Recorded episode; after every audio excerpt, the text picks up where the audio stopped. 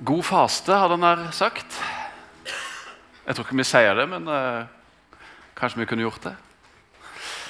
I dag er det fastelavnssøndag. Er det noen som har eh, planer om å spise fastelavnsboller i dag? Opp med en hånd. Er det ikke flere? Det er jo så digg. Jeg bakte det i går. Jeg må spørre en gang til. Er det noen av dere som har planer om å spise fastelavnsboller i dag? Opp med en hånd. Ja, Det var få, faktisk. Sjokkerende få. Er det noen som har spist fastelavnsboller noen gang da, på fastelavnssøndag?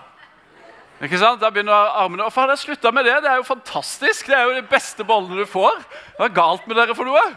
Alle skal ha handa i været neste år når jeg spør på fastelavnssøndag om du har spist. Nei, ja.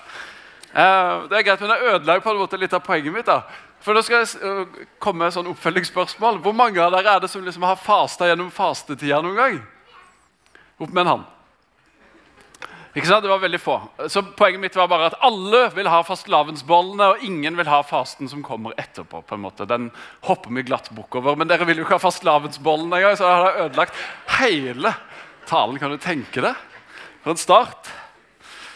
Ja, Dere kan komme på besøk. Jeg har mange hjemme. Jeg har ikke nok til alle. Men uh, jeg har bakt, iallfall, så hvis du vil ha, så kom.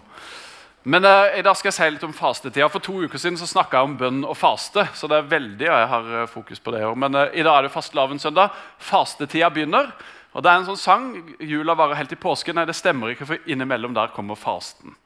og sånn er Det jo. Det kommer en sånn periode nå som vi veldig ofte bare hopper bukk over. Ikke bryr oss om i det hele tatt.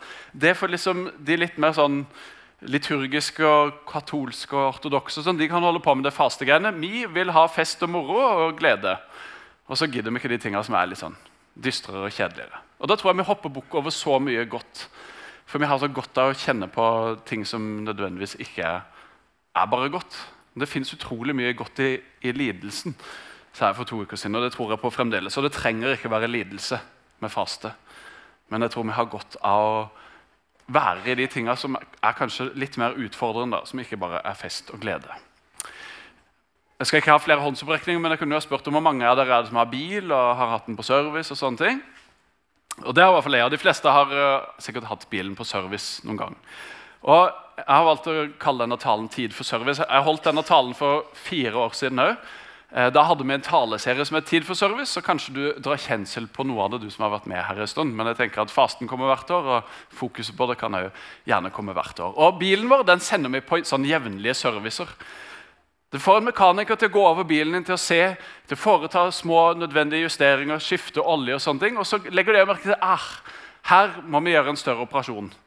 Jeg heter kanskje ikke operasjon på biler, men i fall, vi må fikse noe. Eh, vi må skifte noe, Eller så ser en at her er det noe som er slitt. Du kan med fordel skifte det, trenger ikke gjøre det nå, men det kommer til å komme litt lenger framme. Jeg tenker at Fastetida det er en sånn serviceperiode i livet vårt. Det er en utrolig god tid til å foreta en service i eget liv. Åssen står det egentlig til med det livet mitt? Åssen bruker jeg tida mi? Åssen bruker jeg ressursene mine? Åssen bruker jeg det som er blitt gitt? Åssen forvalter jeg det som jeg har? Det kan være tid og ressurser og penger og i det hele tatt. Så jeg tenker at Fastetida kan være en veldig sånn god tid å trykke på en sånn pauseknapp. Så tar vi en liten pause og Så stopper vi opp litt, og så evaluerer vi, og så sjekker vi og så foretar vi en service på eget liv. Det kan være, altså Fastetid har jo tradisjonelt vært sånn å avstå fra mat. ikke sant? Eh, feire karneval. Det var det her på Jubaluba på torsdag. I barnehagen til dattera mi hadde de karneval på fredag. Og karneval det betyr farvel kjøtt. For de spiste ikke kjøtt i fastetida annet enn på søndagen. Så karneval det betyr farvel kjøtt. Og Kanskje det er det en skal faste fra. Men en velger å avstå fra noe. Og Tradisjonelt sett så har det vært mat i en periode. I fjor i fastetida så spiste ikke jeg godteri eller usunne ting. hele den tiden. Da var det veldig bra å være noen dager på hotell der de hadde tidenes buffébord på desserten. Da fikk jeg prøvd meg, men det gikk overraskende bra. faktisk. Eh, men det går an å faste fra ulike ting. Det går an å faste fra mat eller godteri. for den saks skyld. Fra forbruk, shopping, nytelse, luksus skjerm. Denne uka som kommer nå, så har uh, Tro og Medier en organisasjon, de har noe som de kaller Skjermfri uke. Den skal jeg være med på, men jeg har valgt å drøye det ei uke. Uh, så nå er det vinterferie. og Da blir det desto hardere når en har en familie med unger. Men eh, Vi har gjort det i noen år, og det er utfordrende å legge vekk den skjermen. Men det er fantastisk å ha anledning å sette av tid til å gjøre andre ting. Og til å rette et fokus. Det er det fasten handler om. Det handler ikke om å pine seg sjøl, men det handler om å sette noe til side, så en kan ha fokus på noe annet. Noe viktigere, noe større. Generelt Gud, da. da dere skal få to sitater om faste. og Dere som var her for to uker siden, dere fikk det i dag òg. Og det er noen som har sagt at Å faste det er å gi avkall på et mindre gode for å vinne et større. Det burde ikke være noen uaktuell tanke. Og Det er jeg helt enig i. Det burde ikke være noen uaktuell tanke å gi avkall på et mindre gode for å vinne et større. Velge å legge noe til side for en periode for å ha fokus på noe annet. For å ha fokus på Gud er det viktigste her. Og noen andre har sagt Snarere enn å plage seg sjøl handler fasen om å oppøve åndelig styrke og disiplin. Det er et umistelig gode, ikke minst i vår tid. En nyttig utfordring skulle derfor være å tenke over hvordan den enkelte av oss kan ta fastetida på alvor. Og Det er min utfordring i dag. Foreta en service på livet og se hvordan en bruker tida si og livet sitt osv. Jeg skal få et lite sitat til av en eh, kar som heter Pete Scassero. Han har skrevet et par bøker. Eh, og Han opplevde i eget liv at han var umoden. Emosjonelt umoden. Eh, åndelig sett. Og har studert masse på dette, her, skrevet bøker om det. Kjempebra. Og han har sagt det. Hvis du ba meg om å oppsummere det jeg har observert om den åndelige tilstanden til dagens kristne, vil jeg si følgende. Vi føler at vi har kjørt oss fast på vår åndelige reise med Jesus. Vi snylter på hverandres åndelighet. Vi lever adspredt, fragmentert og usentrert. Vi er slitne fysisk, åndelig og emosjonelt. Vi lever på en overfladisk åndelighet som bare stikker et par centimeter under overflaten. Vi ber lite og har svært lite fellesskap med Gud. Vi er travle og søker ikke Jesus målretta, og vi sliter med å senke tempoet i vårt oppjaga liv. Opp med en hand, alle som kjenner seg igjen. Nei, jeg trenger ikke ta den opp, men uh, dere skal få lov hvis dere vil. Jeg kjenner meg igjen. Og jeg tror at mange av oss kjenner oss igjen. Det er høyt tempo det er oppjaga. Vi er slitne. Vi lever overfladisk med hverandre, og vi lever det med Gud. Og så har vi så mye mer å hente. Vi har så mye godt i vente fra Gud, som Jens Petter Jørgensen sa når han var her for noen uker siden. Hvis vi våger å gå litt dypere og dykke litt lenger ned, og ikke bare være på overflaten, men å gå under overflaten, og Da stiller jeg spørsmålet kan fastetida hjelpe oss med det. Til å komme under overflaten, til å komme litt dypere i eget liv, til å komme litt dypere i relasjonen med Gud. Det er det det først og fremst handler om. Hele kristenlivet vårt alt det handler om en relasjon med Gud. Og kan fastetida hjelpe oss på en sånn måte at vi får en dypere relasjon med Gud? Det er jeg overbevist om. Vi skal ta opp Bibelen der. Det er ikke bare sitater fra folk. Hvis du har med Bibelen, så må du gjerne slå den opp i Efeserbrevet, kapittel 5. Og, men det kommer på veggen her for du som ikke har med Bibelen. Men da skriver Paulus, som har skrevet Efeserbrevet og mye annet fint i Bibelen, så skriver han Pass derfor nøye på hvordan dere lever. Det er fine vers. Pass nøye på hvordan dere lever. Ikke som ukloke mennesker, men som kloke så dere bruker den dyrebare tiden godt, for dagene er onde. Vær ikke uforstandige, men forstå hva som er Herrens vilje. Pass derfor nøye på. Se nøye etter. Observer. Sørg for å skille fra hverandre, er det det ordet betyr. Jeg tenker at Det passer perfekt inn i fastetida. Og det, det Paulus skriver, er at det er ikke likegyldig hvordan vi lever livet våre. Valg vi gjør, får konsekvenser. Og Hvis vi bare lar livet løpe sin egen retning og lar det skure og gå, så får det jo konsekvenser. Men det å ta seg tid til å stoppe opp, til å se etter, til å evaluere, det er viktig. Jeg er overbevist om at alle oss her inne vi ønsker å leve gode liv. Vi ønsker å ha det godt. Og Da er det ikke likegyldig, og da nytter det ikke å bare løpe etter. på en måte og fortsette i samme hamsterhjulet, men å stoppe opp. Og ikke være ukloke, men å være kloke.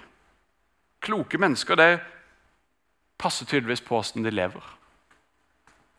Jeg vil være klok, iallfall. Og så står det 'bruker den dyrebare tiden godt'. I en gammel oversettelse står det 'kjøper den rette tid'. Og Det er akkurat som om Paulus sier nå har du sjansen, nå kan du gjøre et skikkelig kupp her. Og Det ordet som er brukt, de har to ord, eh, kanskje flere, men iallfall to ord for tid på gresk. som dette er skrevet. Det ene det er kronos, og det kjenner vi igjen fra kronologi. ikke sant? Og Det handler om tid som går, sekunder og minutter og dager og år. ikke sant? Den vanlige tida sånn som vi kjenner den. Men det er ikke kronos som Paulus bruker her. Han bruker et annet ord. Og det ordet han bruker, det er kairos. Og Det kan oversettes med tid som mulighet. Nå har du sjansen. Nå er tida inne. Her er muligheten du har gitt. Og Det er jo litt sånn skiting på TV. Sånn. Kanskje noen følger med på VM i skiskyting, og snart er det ski-VM. og sånn. Der er det ofte sånn at de venter på det rette øyeblikket. Til den rette bakken, f.eks. Her kan jeg sette inn et rykk og stikke ifra. Petter Northug var ekspert på det. Høsflot Klæbo er enorm på det. De venter på når er den rette tiden, når er mitt kairos, sånn at jeg kan vinne dette løpet. Og Det er et sånn ord som han bruker her. Og nå er den rette tid. Jeg tror at fastetid er sånn kairos kan være det i vårt liv. Nå har du muligheten til å se etter. Til å bruke den muligheten som han har gitt nå, til å bruke den godt. Til å evaluere. Dette er det rette øyeblikket. Så er det sånn at Fastetida det er et frampek mot noe som kommer, og som for så vidt har vært. Og det er påske. Det er noe som kommer hvert år. Og den Fastetida er en forberedelsestid på påska, på Jesu verk, der han dør på et kors. Tar all vår synd, all vår skam, alt det dritet som vi går og bærer på, det nagler han fast til korset. Og så overvinner han døden og står opp igjen. Og I historien i påska så er det både lidelse og død og grusomhet, og så er det oppstandelse og fest og glede. Vi får på en måte livet fra ytterkant til ytterkant i løpet av ei helg. Og så er påska en nei, fasten en forberedelsestid til påska. For å kunne forberede oss på det å skulle ta del i det største som har skjedd i historien. At Gud sjøl var villig til å bli et menneske og komme ned og dø i ditt og mitt sted. Og overvinne døden, sånn at vi kan ha liv og overflod. Og I fastetida da, er det naturlig å rette blikket mot Jesus. Hvem han er, hva han har gjort for oss. Og På eh, bibelen.no så har de en sånn eh, leseplan som du kan følge i fastetida. Med ulike bibeltekster fram mot påske som er henta fra evangeliene primært om Jesus. Og Fastetid er en ypperlig anledning til å se på Jesus, til å lese om Jesus, til å være med Jesus. Altså, hvilket liv levde han? Hvis vi skal stoppe opp og se på vårt liv, så kan vi se på Jesu liv. Hvordan var det han levde? Hva kan vi lære av han? Hvordan kan vi ligne mer og mer på han? Det er et mål for oss som er kristne bli stadig mer lik Jesus. Være med han, la han få forme oss og få prege oss. Og Se på det han brukte livet sitt. Det ser ut til at Jesus levde et veldig enkelt liv. Han eide lite. Han brukte mye tid i bønn og i stillhet. Han var for seg sjøl. Han levde i enkelhet. Han var uegoistisk. Han satte de andre foran seg sjøl. Han hadde fokuset retta utover på de som var rundt han, som han kunne bety noe for. Men samtidig så, så hadde han fokus på å være alene, på å være sammen med Gud. På sitt eget liv. Og det tror jeg at han var avhengig av og trengte. Nettopp for å ha noe å gi til de han var rundt. Så han trakk seg tilbake. Han kunne sikkert ha levd i rampelyset hele tida. Men han hadde behov for å trekke seg tilbake. Han hadde en god balanse mellom arbeid og hvile. Det tror jeg mange i vår tid kan ha behov for finne den gode balansen mellom arbeid og hvile. Det er noe av de tingene som vi kan se når vi studerer Jesu liv. Jeg har lyst til å ta et vers og to eh, som Jesus sa til oss. Fra Matteus 11, vers 28. Veldig kjent vers. Jesus han sa det. Kom til meg, alle dere som er slitne, eller som strever og bærer tunge byrder, og jeg vil gi dere hvile. Det har jeg erfart mange ganger i mitt liv. Det har kommet til Gud og bare sagt nå orker jeg ikke mer. Jeg er så sliten. Du ser de tingene som jeg bekymrer meg for, og du ser de tingene som jeg strever med om dagen. Kan du være så snill og ta det? Kan du komme med ditt nærvær? Kan du gi meg det som jeg lengter etter? Og så plutselig så kommer Gud med sin fred. Kanskje ikke der og da når en ber om det, men litt sånn i kjølvannet. Det er iallfall sånn det har vært i mitt liv mange ganger. Og så kommer Gud og nærmest gjenoppretter balansen i livet. Og så ah, 'Det var godt. Takk, Gud, for at du er der.' Og så kommer vi litt opp på høyden. Og så er de tingene, i hvert fall sånn i mitt liv, så er det noe av grunnen for at jeg følger etter Jesus. det er at Jeg opplever at han lever. At han er til stede i livet mitt. At han, han hjelper meg med ting som er vanskelig. Og når jeg kommer til han, så svarer han meg. Så jeg har fått kjenne på hans fred. Og Sånn er det sikkert for mange av dere òg. Og kanskje det er mye av grunnen.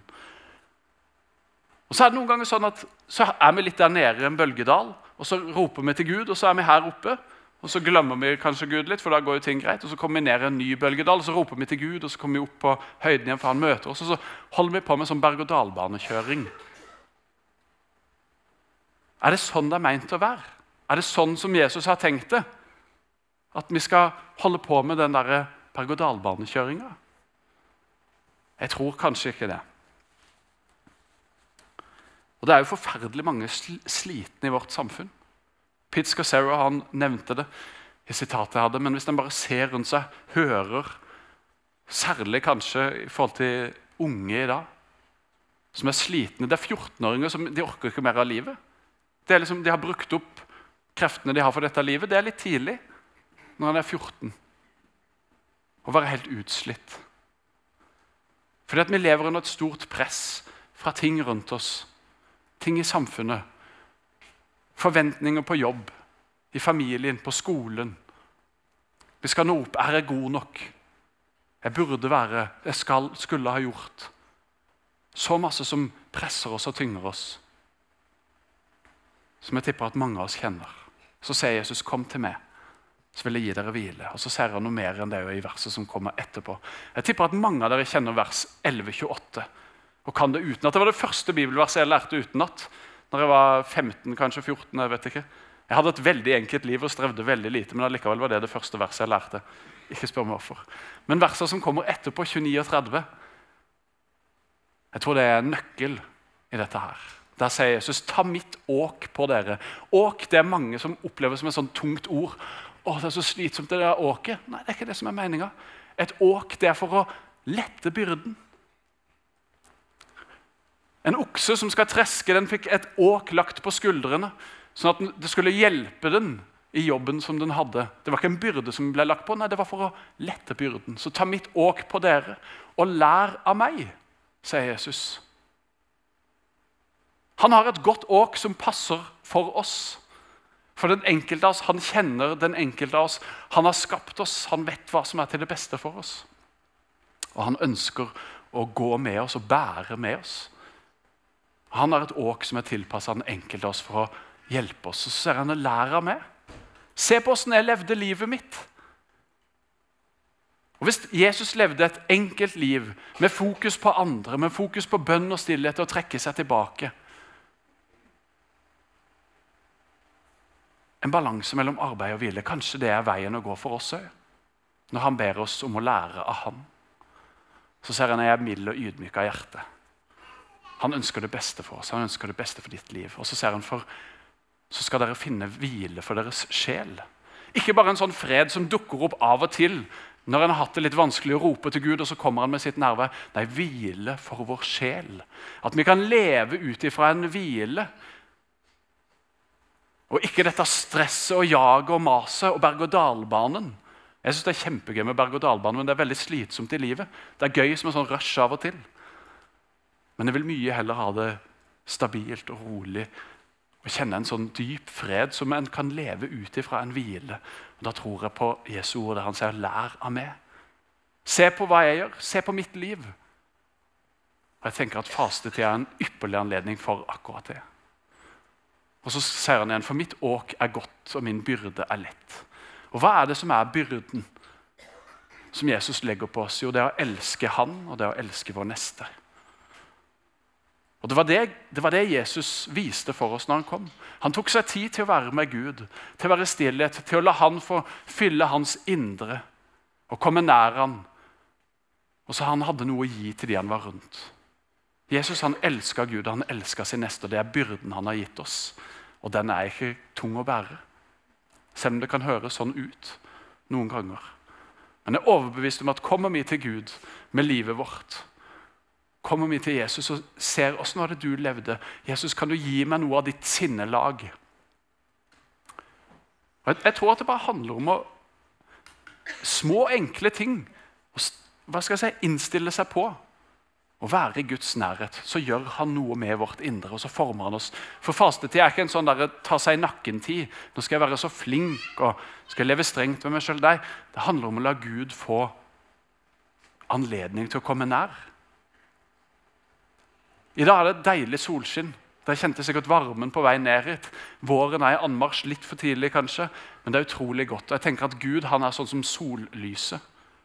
Det er der alltid. Og sånn som i dag, så kan vi velge å være her inne og trekke oss unna. Eller vi kan velge å gå ut i sola. Vi kan velge å stå i skyggen og ikke la sollyset treffe oss, men vi kan òg gå ut i sollyset og la det få varme oss, få brune oss, få gi oss liv, få gi oss energi. Og Sånn er det med Gud. Hans lys det er konstant, og så kan vi velge om vi vil la det berøre oss eller ikke. Og skal vi la fastetida være en sånn tid der Gud kan få lov å skinne på vårt liv med sitt lys? Så det kommer fram i lyset de tinga som, som, ikke er der, eller som ikke burde være der. Som ikke er bra for oss, som ikke er heldig. La oss gi Gud anledning til å stråle på oss med sin varme og med sin godhet. Og Hvis han påpeker noen ting i vårt liv som vi med fordel bør kutte ned på, eller slutte med, eller endre på, så er det kun fordi at det er til vårt beste. Han er mild og ydmyk av hjerte. Han ønsker oss bare godt. Og Så kan det være smertefullt og det kan være vondt, de tinga som han påpeker som Det der er ikke heldig for deg. Det er ikke bra. Min vei, det er den veien istedenfor den veien. Det er ikke lett, det er ikke enkelt, men han vil gå med oss. Han vil styrke oss, han vil gi oss det som vi trenger og hjelpe oss på den veien mot å leve uegoistisk. Med blikket retta på noen andre enn oss sjøl. Ta tid i stillhet og bønn og være aleine med Gud.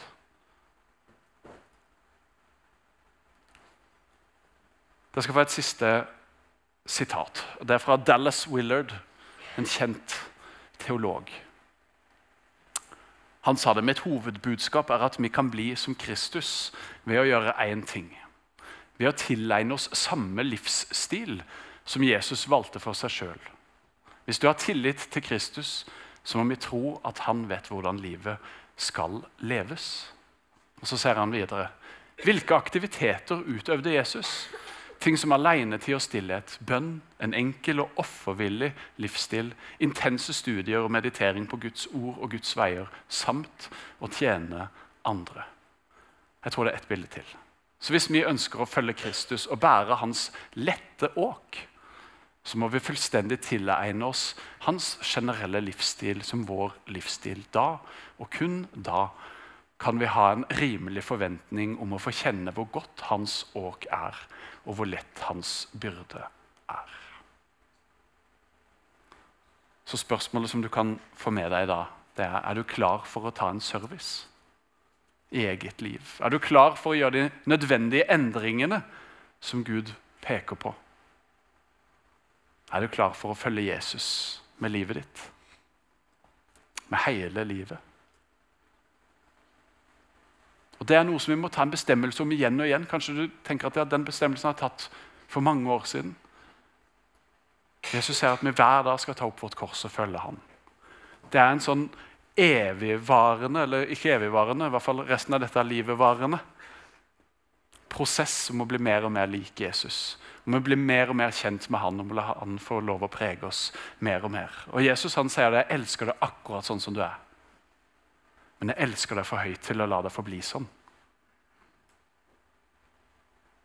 For han vet at vi stadig kan gi avkall på mer av vårt eget og bli mer og mer lik han.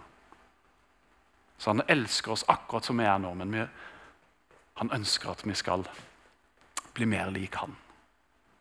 For det er det beste. Han har det beste livet for oss.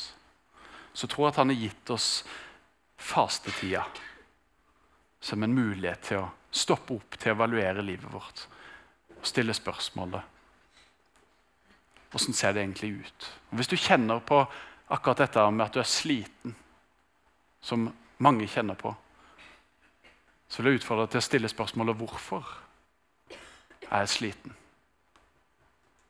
Og Ta med Gud i det. Hva er grunnen til at jeg er sliten? Og så tror jeg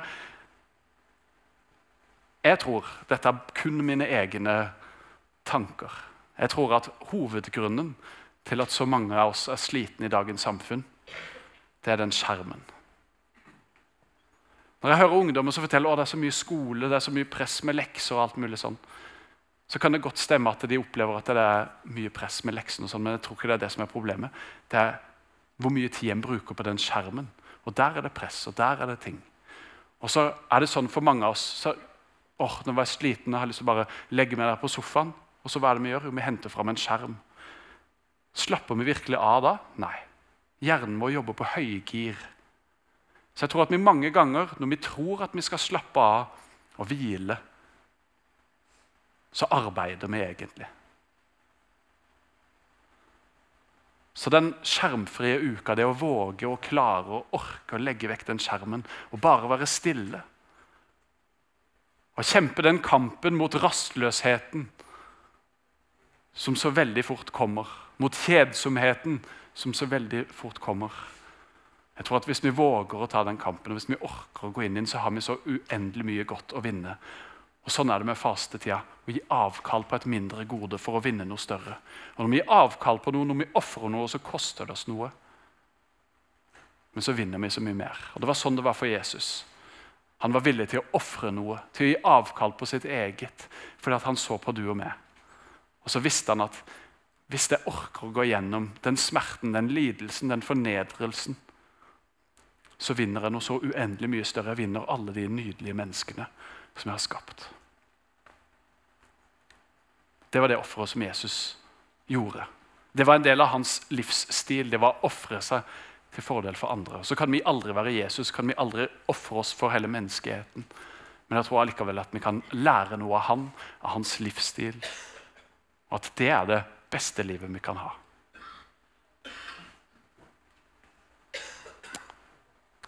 La oss be. Herre Jesus, jeg takker deg for ditt liv.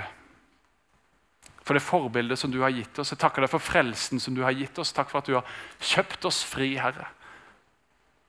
Takk for at du eh, lever og er med oss. Takk for den anledningen som du har gitt oss til å se på vårt eget liv. Til å evaluere, Herre Jesus, og til å ta du med inn i det. Herre. Jeg ber om din velsignelse over oss som er her i dag. Hjelp oss i den tida som ligger foran, til å stoppe opp. Til å være bevisste på å sette av tid i din nærhet, der vi kan søke ditt ansikt, søke stillhet og stille spørsmålet hvordan ser det ut i mitt liv. Foreta den nødvendige service. Nå må du, Hellige Ånd, komme og røre ved oss og tale til oss. Kalle på hjertene våre. Amen. Da skal vi få lov å høre en sang. Du kan bare sitte og lytte. Så skal jeg gi en liten utfordring igjen etterpå.